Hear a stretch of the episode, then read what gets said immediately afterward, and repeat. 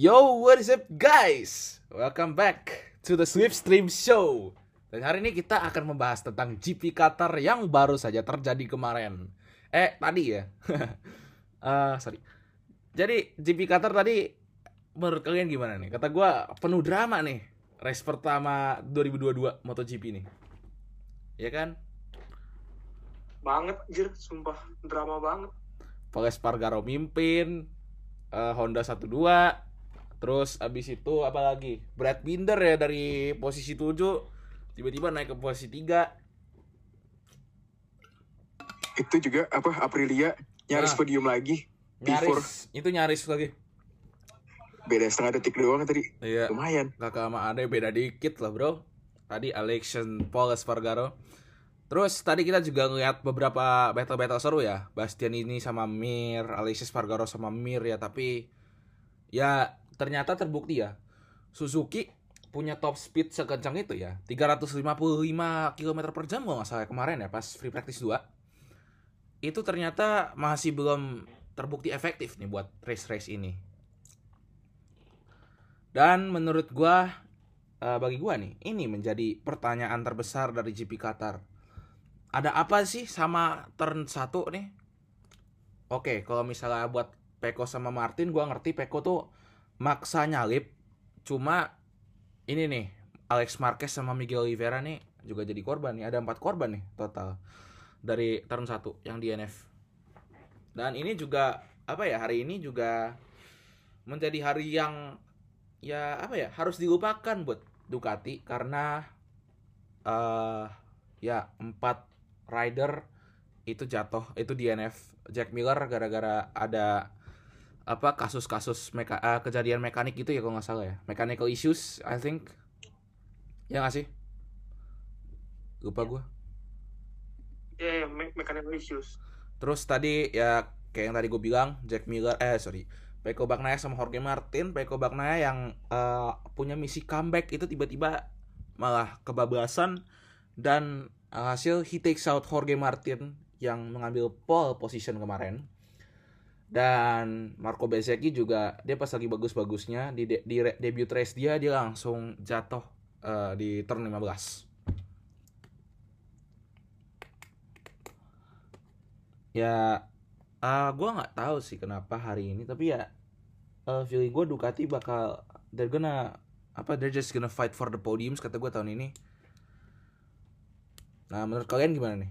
Ke eh, melihat Ducati eh, pas hari ini aja di sirkuit yang kata orang tuh mereka tuh eh, apa di sirkuit yang kata orang mereka tuh strong mereka aja DNF menurut kalian gimana performa mereka di the next 20 races ini walaupun baru round 1 tapi bisa ngaruh loh ke ronde-ronde lain.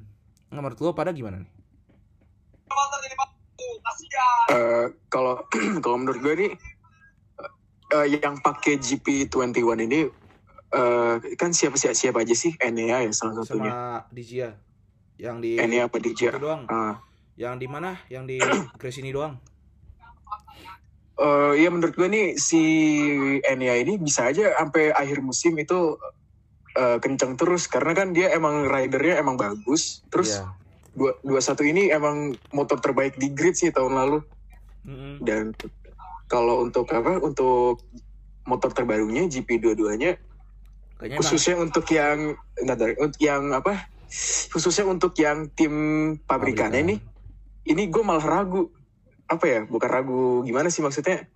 Kok begini banget gitu? Nggak biasanya gitu. Iya, soalnya kan apalagi nih Bagnaia sama Miller nih udah digadang-gadangkan sebagai title contender 2022 nih, ya kan? nah itu dia. Tapi nggak biasanya banget gue ngelihat eh sebentar tahun lalu itu kan mereka berdua ini kan salah satunya atau enggak itu bisa ada di depan-depan kan malahan Iya. bisa sampai podium kan Iya, tahun kemarin di Qatar Peko Bagnaia pole position terus podium di posisi 3 tuh. Sama eh, tahun kemarin ya itu sih eh, kayak apa strongest points yang Bagnaia di Qatar tahun kemarin dia pole position pertama kali dan dia menang. Eh, dia posisi 3. Nah, terus itu dia nih gue makanya gue jadi bertanya-tanya ini ada apa sama sama sama Scott merah nih? Kok eh begini gitu? Apa ada masalah di contohnya kekakuan motornya atau masalah emang di mesinnya?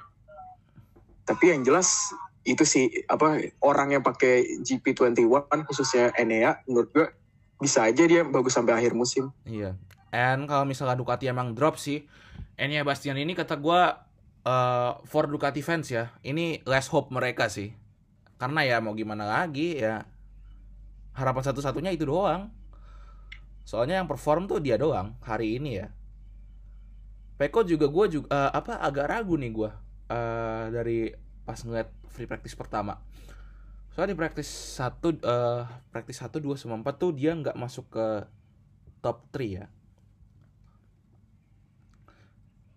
Nah, ngomong-ngomong apa yang apa tadi kan kayak yang gue bilang ya digadang-gadangkan juara dunia eh, penantang juara itu malah jadi drop nih.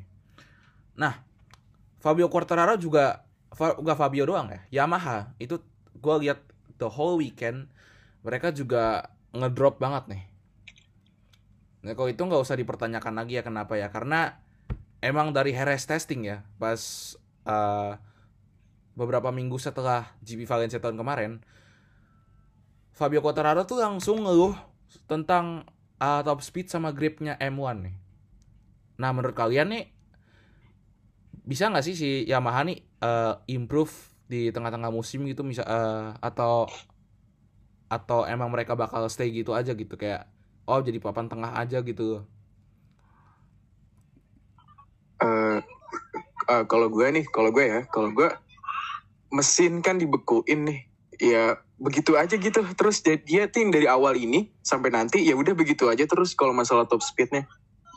Ya sih, Dan- kan ya ya mesinnya dibekuin. Dibekuin tuh maksudnya kayak harus pakai itu terus gitu ya. nggak boleh apa nggak boleh dirubah-rubah gitu. Udah, udah disegel. Oh, udah disegel ya. Iya sih. Berarti ya for the 2021 title contenders ya. Eh kayaknya nih apa chance mereka untuk menantang juara dunia kayaknya agak rendah sih, jujur aja. Iya benar jujur. Gue juga pesimis ngelihatnya. Iya. Kayaknya title contenders tahun ini tuh berarti ya Joan Mir kalau bisa ya. Karena Joan Mir gue juga ngeliat dia bagus-bagus aja sih walaupun ujung-ujungnya dia P6 tadi. Tapi dia setidaknya udah bisa apa unjuk gigi nih hari ini. Eh eh, di weekend Qatar ini. Dia sama Alex Nah, itu dia. itu satu sama tiga, ya kan? Eh, menurut gue juga motor yang solid, yang kelihatan solid ya untuk tahun ini sejauh ini itu ya eh, Honda, Suzuki, Ducati. Nah, Nah, Ducatinya tapi Ducati yang GP21. ya itu dia. Sebenarnya, aduh, gimana ya? Gue gue berharap banget sih dua-dua ini Du- Ducati GP22 ini ya Ada improvement. gimana gitu ya. gue juga iya ada improve gue juga kaget sih tiba-tiba Peko kok ini nggak pakai mesin baru ini ada apa terus Iya. tiba-tiba eh, dia ada di papan tengah atau papan bawah terus kan gue jadi Iya, makanya kan agak agak-agak pesimis gitu loh tau gak sih bawaannya ngelihat the 2021 contenders di tahun ini tuh. Beneran deh, nggak bohong. Bawaannya tuh kayak ya elah mereka tuh kenapa sih gitu. gue paling paling apa ya paling nyesek itu lihat Quartararo sih untuk tahun eh untuk tahun ini untuk minggu ini ya untuk untuk hari ini untuk minggu ini Iya. Yang Karena- tadinya juara dunia, yang tadinya apa P5 terus bisa menang dari posisi 5 di sirkuit ini. Ya sekarang jadinya gitu-gitu doang. Eh terus sampai harus kualifikasi harus lewat Q1 dulu ya kan. It's been a struggling weekend for him. gue gue lebih ke ini sih bukannya apa ya gimana tapi gue lebih ke khawatir sih ke Quartararo tahun ini soalnya kalau menurut gue nih poin poin paling besarnya dia ini kemarin di tahun kemarin itu eh, ini Q time-nya parah bagus banget kenceng banget itu orang Makanya kan terus ya. iya makanya Terus sama dia juga pas paruh pertama juga dominan banget kan. Aja 5 pole berturut-turut terus 3 eh sorry eh, berapa kali menang ya? Eh, Empat kali menang di paruh pertama. Ya kan? di mana sih Qatar 2 Portimao 1 Asen sama Mugello dia menang 4 race itu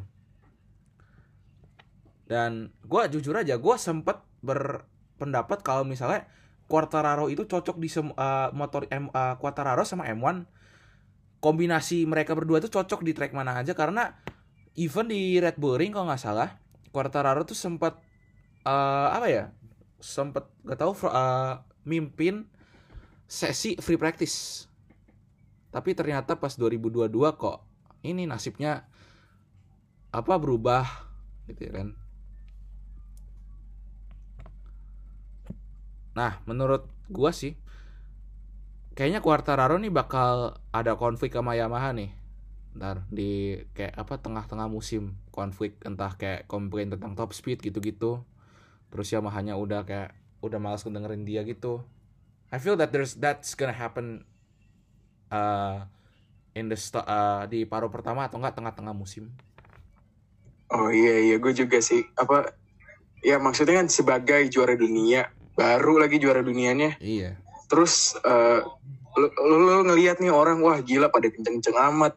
Gue yang biasanya P1 P2 P P3 terus eh, P3 terus eh, bisa pole bisa langsung Q2 terus hari pertama di season baru itu langsung wah drop banget. Itu pasti kayak berasa sih di pikirannya kurang lebih. Iya sih pasti kayak gua yang tadinya hebat banget kenapa jadi kayak gini gitu ya kan? Kayak men. Oh iya sama nih. Ada sesuatu yang kita harus bahas nih. Kan kita udah bahas uh, the lows of Ducati and Yamaha. Sekarang nih uh, kita bakal membahas apa ya uh, back to GP Qatar tadi ya. Tadi kita ngelihat KTM yang biasanya kesusahan di Qatar itu podium posisi dua lagi siapa lagi kalau bukan Brad Binder? Dan dia juga sempet apa ya? Ya sempet battle sama Marquez sempet battle sama Bastian ini gitu gitu kan. Tapi pada akhirnya dia ya harus posisi dua ya. Dan dia juga Binder juga sempat closingin on Bastian ini ya. Sempat hampir apa ya hampir menantang untuk kemenangan. Cuma ya udah last lap terus Bastian ini gapnya juga agak jauh. Jadi ya Brad Binder posisi dua. Tapi overall it's a great start sih kata gua buat KTM sama Honda Brad Binder doang sih tapi uh, Oliveira entah kenapa masih down banget ya di race ini dia juga tadi crash di turn 1 Iya, kalau kata gue ya, semenjak KTM ada si Pedrosa ya, KTM tuh mulai sedikit-sedikit bangkit gitu. Jadi ini mungkin kalau gue kata gue ya Pedrosa efek. Iya, ba- ba- iya banyak yang bilang kayak gitu tuh. Emang ya dia berjasa banget sih buat uh, motor KTM ini, buat development ya terutamanya ya. Karena ya tanpa Pedrosa ya KTM cuma ya kayak 2016 sampai 19 lah kan tahun-tahun itu kan eh 17 sampai 19 ting sorry di tahun-tahun itu kan mereka cuma di kayak papan tengah terus belakang gitu-gitu doang kan Nah, menurut si Han nih terutama nih, KTM bakal maju juga nggak menjadi championship contender nih, terutama bareng sama Binder. Kalau ya Oliveira sih gue masih agak ini nih masih agak tanda tanya nih gue, karena ya semenjak insid eh, yang dia high side di free practice Styria tuh dia jadi down banget tuh. eh KTM eh, Red Bull ya. Gue dulu, gue dulu kemarin tahun kemarin itu juga ngira kurang lebih KTM bisa lah fight buat buat eh, nggak harus championship juga sih waktu itu gue ngiranya. Konsisten Kurang lebih ya P, P2 P3 lah di standingsnya. Tapi tapi tapi gimana ya? Eh kemarin Oliveira itu menang berapa kali sih? sekali doang habis itu podium tiga kali habis itu semenjak Styria dia bener-bener drop banget ya padahal di apa ya eh empat dia tuh cuma top 5 itu di empat ronde doang loh dia. Top 5 finish. Dia posisi dua di Mugello Sachsenring menang di Catalunya habis itu dia P5 di Asen habis itu sisanya ya it's a face to forget for him I think. Karena ya di situ dia juga di bawah posisi 10 mulu. Terus kalau misalnya dia masuk Q2 itu juga gara-gara hujan. Ya nggak tahu sih, gua nggak tahu apa yang salah dengan dia. Nah, kalau berdasarkan timnya ya, bukan motornya doang. Di KTM Red Bull ini nggak belum ada yang outstanding gitu. Misalkan kayak eh, tim Ducati gitu. Ducati biasanya yang outstanding itu eh, motornya gitu. Terus kalau Yamaha misalkan yang- yang kedengeran banget itu pembalapnya si Quartararo. Kalau si Iya. KTM ini, gue gua gua belum apa ya, belum belum belum apa ya istilahnya nemu gitu ini apa yang bagus dari mereka. Ya bagus sih, tapi tapi yang bisa yang bisa diandelin tuh apa gitu loh. Gue belum terlalu nemu. Nah Tuh. iya, Binder tuh masalahnya ya nggak ke podium ko- konsisten podium sih ya nggak terlalu cuma ya hmm, nggak tahu juga sih. Oliveira juga kayaknya belum bisa tera- belum terlalu bisa diandelin sih. Soalnya eh kayak pas tahun kemarin ya banyak yang bilang Oliveira nih bakal bertarung buat juara dunia ini itu gitu-gitu kan. Tapi ya ternyata eh dia drop di paruh kedua dan kayaknya masih lanjut sampai sekarang. Nah, tapi ya itu deh. Iya dia dulu apa salah satu penantang Quartararo selain Zarco, ingat gue. Iya di paruh pertama tuh gue inget banget. Eh tapi ternyata di paruh kedua drop. Terus ya gitu deh. Nah tadi kita juga melihat eh, Honda nih akhirnya bikin improvement nih karena semenjak Honda ngedatengin RC213V yang baru, eh apa ya? It's been eh, apa ya agak-agak fair gitu loh. Sekarang Pa- eh, Paul Espargaro yang tadinya sering struggle sama motor, susah top 5, sekarang dia bisa tuh bertarung untuk kemenangan malah tadi. Tapi ujung-ujungnya dia start eh dia finish P3 tapi ya nggak apa-apa lah ya. Tapi kalau misalnya ngelihat how far Honda has apa ya has come dari cuma apa ya cuma mengutamakan Mark Marquez sekarang ngejadi apa duo Repsol jadi kompetitif nih. Menurut lu gimana nih? Tentang apa tentang posisi mereka di championship nih.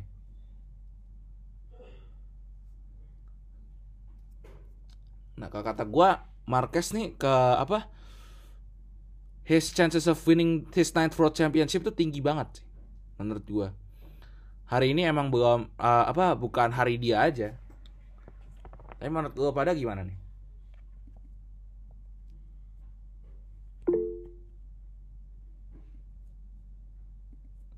kebanyakan ya. Ya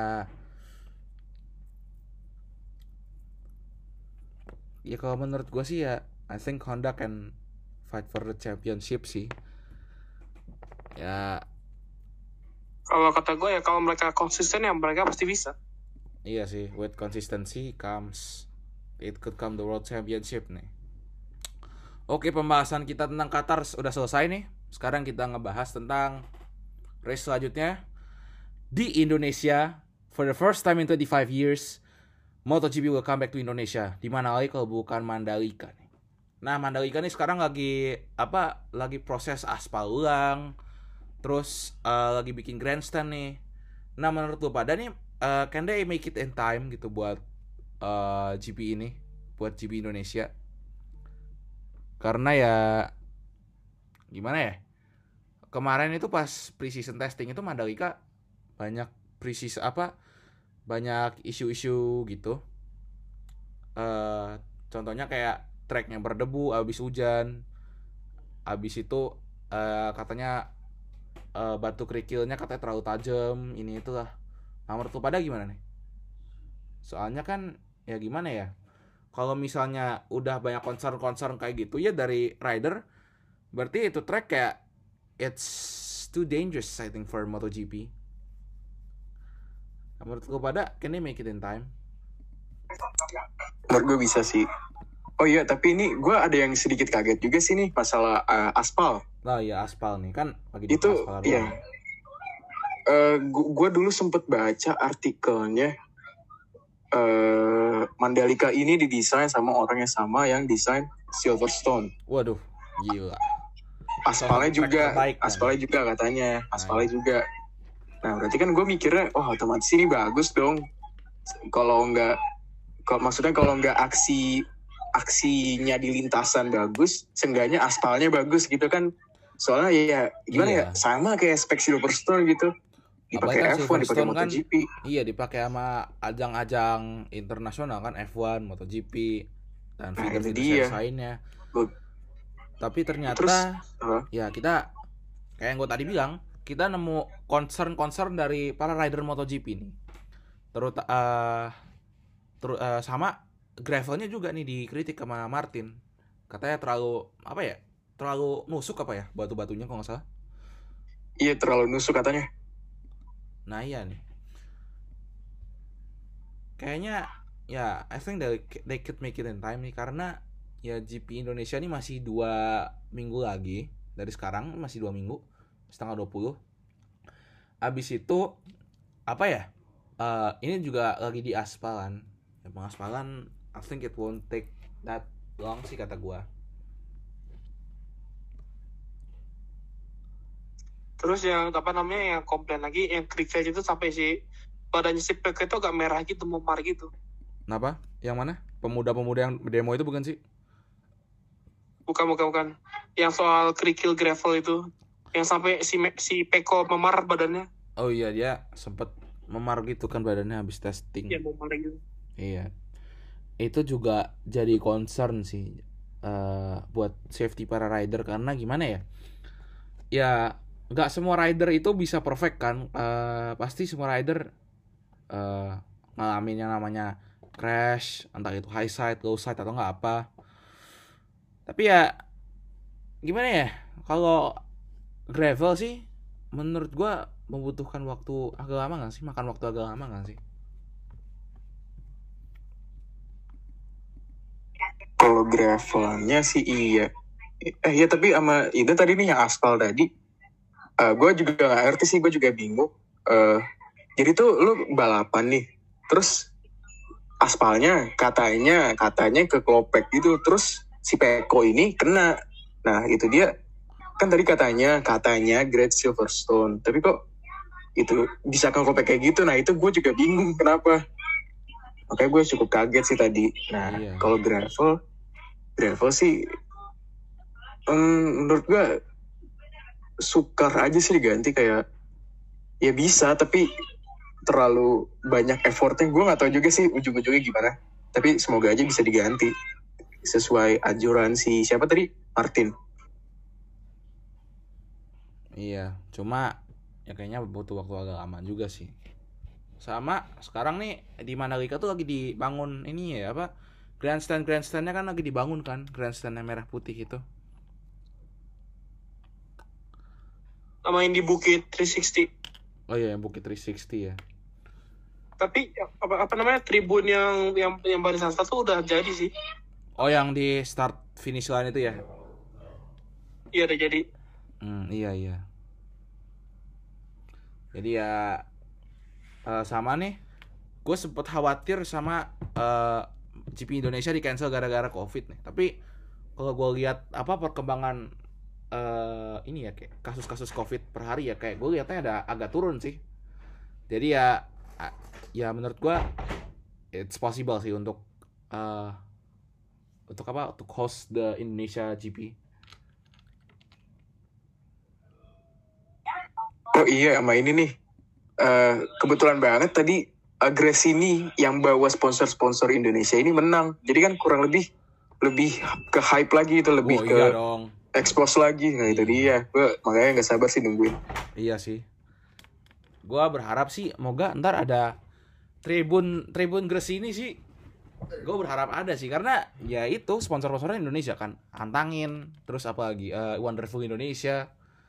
Nah, Sponsor-sponsor Indonesia semua kan jadi ya hype dong, ya kan? Nah, ngomong-ngomong sponsor Indonesia nih, antangin naik nih harganya kayaknya. naik naik naik Eh sebungkus gocap iya, iya. Ntar itu jadi kayak eh ah, nggak deng. Sedusnya dua puluh ribu. ntar jadi kayak itu apa ada berita apa eh, warga antri antangin aja Nah, coba. Ntar kalau kata gue ada juga itu apa namanya antangin special livery. Iya. Nah, Pakai iya bi- special livery. iya bisa aja ntar ke sini ganti ke kuning. Tapi ya nggak mungkin sih. Karena kan ya gimana ya? Iya sih. Tapi yang yang paling ganti itu kemasan antanginnya itu pakai livery Chris ini. Iya. Oh iya iya sih, bener sih. Soalnya kan ya sponsor Indonesia kan, terus pe- tim yang pakai sponsor Indonesia kan tadi baru menang tuh kan. Jadi ya gimana ya bisa sih. Jadi kalau misalnya eh ya itu sih. Jadi ya to top it off eh tadi kita ngelihat ya one of the most dramatic Qatar GPs we had ya kan battle battle eh, Honda yang sempat mimpin 1-2 tapi ternyata Marquez eh, he's kinda slipping a bit slipping away dia dari posisi 2 tiba-tiba turun ke posisi 5 tapi ya overall buat Marquez it's not a bad start sih. Karena kan ya tahu sendiri kan Marquez itu yang biasanya jarang eh, apa pas ronde pertama itu jarang menang itu biasanya ujung-ujungnya menang mulu habis itu dominasi habis itu biasanya Jordan. Dan di kebanyak eh, and in most of his championship reigns dia juga nggak menang di Qatar. Di eh, enam juara dunia dia dia cuma menang sekali di Qatar yang dia juara du- dunia di tahun itu dia itu sih probability Marquez Jordan tinggi apalagi kan dia 8 kali Jordan nih dan ya penantang-penantang juara dunia dia tuh ya like I said kayaknya bakal jadi bakalan Enea Bastian ini sama Joan Mir. Suzuki sebenarnya kalau misalnya ada improvement-improvement lagi ya upgrade-upgrade lagi eh menurut gue bisa loh mereka eh, menantang Jordan. Ya gue juga sependapat. Iya. Dan menurut gue itu salah satu yang ajaib sih. Gimana ya? Suzuki tanpa tanpa apa? Tanpa tanpa eh, satelit terus datanya itu di- di- dibuat didapetin dari dia sendiri, mereka sendiri dan Iya. mereka bisa eh, fight buat championship itu ajaib banget super keren. Iya sih. Dan harapan gua nih buat Yamaha sama Ducati ya gue cuma berharap mereka bikin improvement sih. Soalnya gua kasihan sama empat rider mereka terutama yang pabrikan sih. Apalagi Morbidelli, Morbidelli juga gua kasihan sih karena gimana ya mereka dia tuh udah fully fit. Dia mengharapkan motor yang bagus kan karena kan SRT tahun kemarin kan lihat sendiri kan bapuk banget. Tapi ternyata ya gitu sih dia masih finish di posisi 11 sih.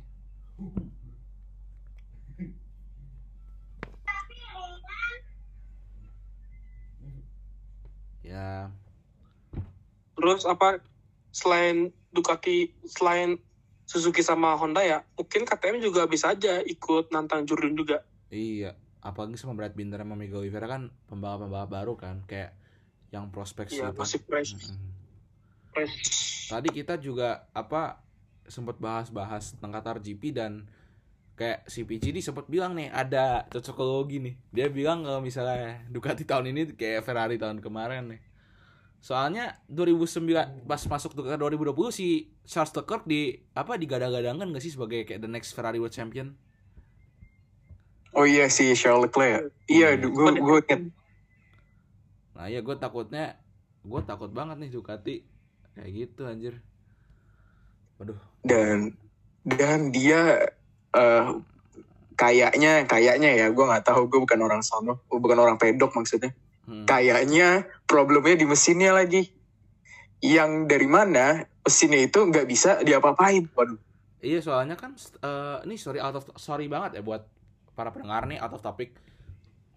Kalau nggak salah si eh, Ferrari ini beda kasus sama Ducati. Kalau Ducati kan emang kemauan si Bagnaia nih pakai mesin 2021.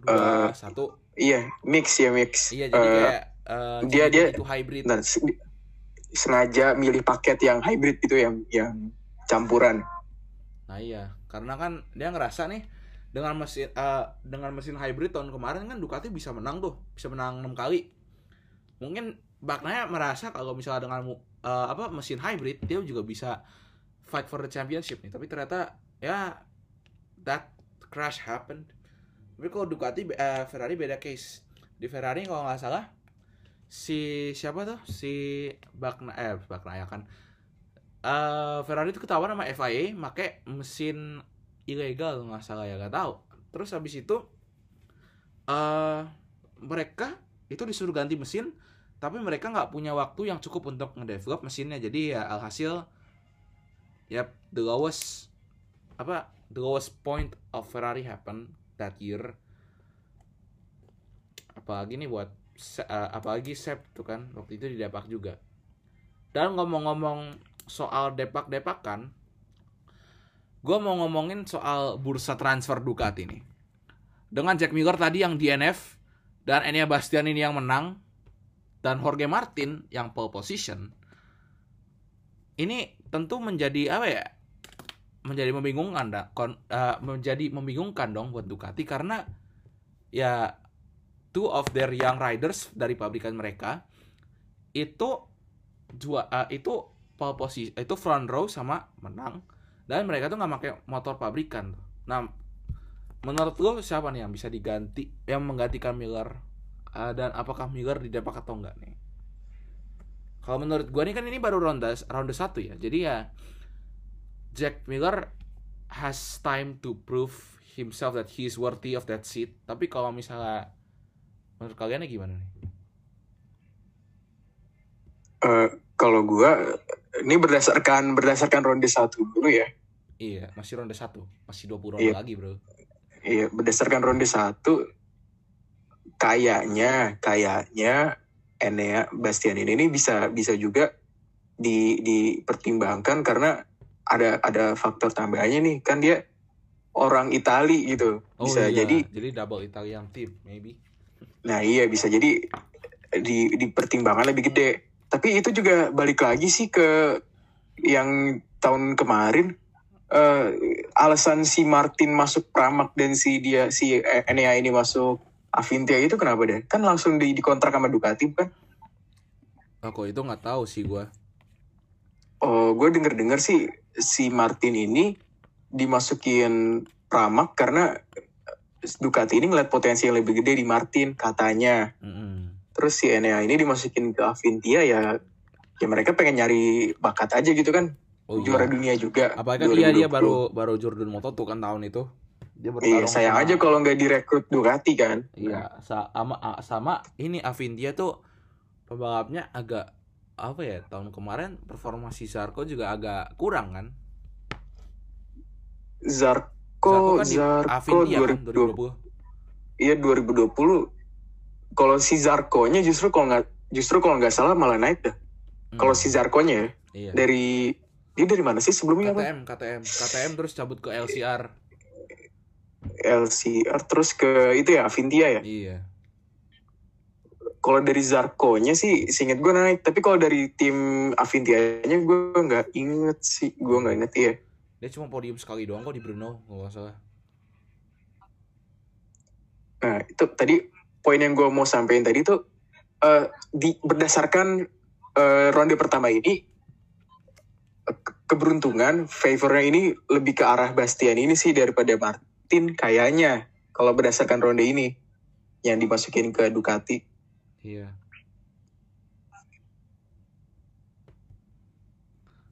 Hmm, ya jadi eh ya ada dua faktor nih yang bisa membuat Ducati pengen ngerekrut si Bastian ini nih.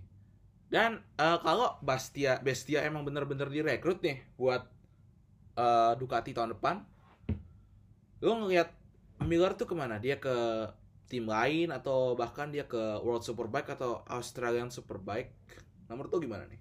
Karena kan seat di MotoGP itu nggak begitu banyak, terus eh, ada beberapa tim yang eh, kontraknya tuh lebih dari setahun. Jadi kan nggak nggak nggak itu dong apa nggak bisa dong misalnya eh, pembalap yang kontraknya lebih dari setahun terus tiba-tiba di depak gitu. Eh, kalau menurut gue Miller ini jatuhnya jadi kayak Dovi kemarin deh. Ya, pertama dia- sabatikal ya. Iya dia dia ini apa mantan pembalap Ducati, eh, pabrikan juga. Terus Ducati 2021 dapat konstruktor sama tim juga. Iya. Terus mungkin seenggaknya dia seenggaknya dia paham dikit-dikit mungkin bikin motor eh, dalam tanda kutip bikin motor ya bisa jadi dia direkrut kayak si Dovi ini kayak kemarin di Aprilia Hmm. kayak gitu kan disuruh suruh bik- eh, dalam tanda kutip ya suruh bikin motor gitu. Oh, bisa jadi mentor atau suruh bikin motor gitu. Iya, bisa juga sih. Jadi ya, oh jadi development test rider gitu gak sih? Eh, tapi balap juga gitu. Jadi kayak apa ya? Eh, kayak siapa ya jatuhnya ya gue jadi ngeblank nih siapa ya? Iya. tapi kurang lebih kayak Dovi di Aprilia kemarin sih Iya. itu kan mau dimasukin biar eh, ngembangin motor Hmm, Berarti Gitu, ya masuknya ke kurang lebih. development test rider sih. Karena Dovizioso kan gak pernah ya turun buat Aprilia balapan. Iya, gitu sih. Lebih ke test rider. Hmm, sama apa lagi yang mau gue omongin ya? Aduh, lupa kan gue. Eh, damn. Ya, Han silakan lanjutin bentar.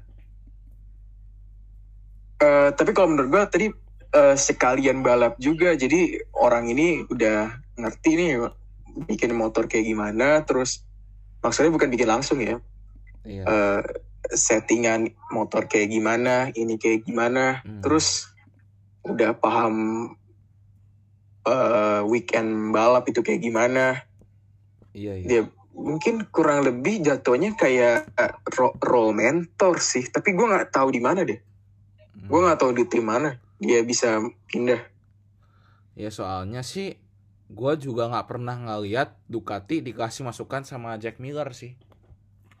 Dikasih masukan apa ini harus di develop, ini harus dikembang, ini harus di apa yang mana yang harus dikembang itu belum pernah sih jadi ya gitu sih.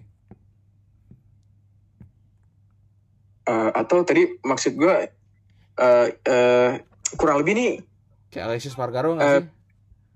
iya kayak Alex Espargaro jadi dia masuk ke satu pabrikan ya udah dia di situ terus sampai motornya itu kurang lebih mateng Iya. gitu Apalagi kan Aprilia sendiri nih dia juga udah pernah podium kan di tahun kemarin di Silverstone.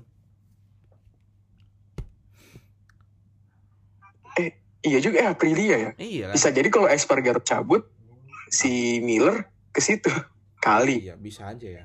kalau Espargaro cabut Hmm, Sama ngomongin Aprilia nih.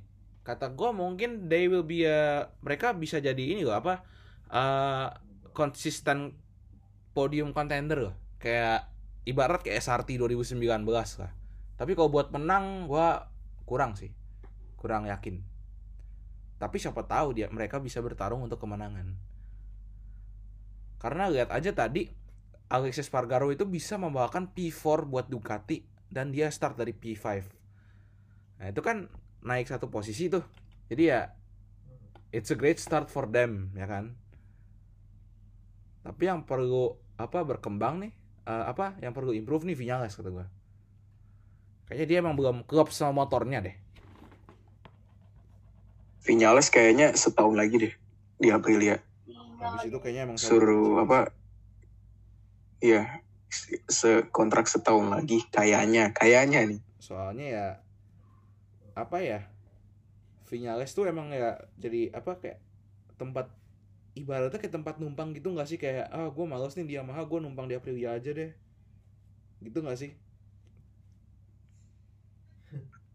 Eh, kalau itu tergantung juga sih. Eh, soalnya si Vinales ini mantan Suzuki, mantan Yamaha, iya terus pindah ke Aprilia juga. Dan itu kurang lebih si Aprilia ini apa ya? Butuh juga data-data dan experience-nya si Vinales buat motor barunya, motor RSGP-nya gitu kurang lebih. jadi kayak apa eh dia juga mereka juga bisa belajar sih soalnya Dovizioso gue dengar dengar kalau nggak salah pas dia pindah ke SRT juga kayak gitu. Dia butuh data-data Ducati gitu gimana cara improve top speed gitu-gitu. Tapi ternyata ya it didn't really work well so far for the Yamaha factory. Jadi ya kayaknya bakal gitu-gitu aja sih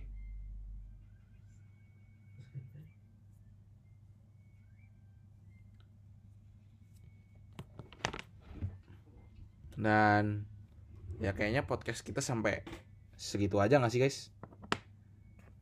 Yoi. Ya. Yo. And that's all. Hope you enjoy our Qatar GP review and Mandalika preview. And see you on the next episode. Goodbye, guys. Bye.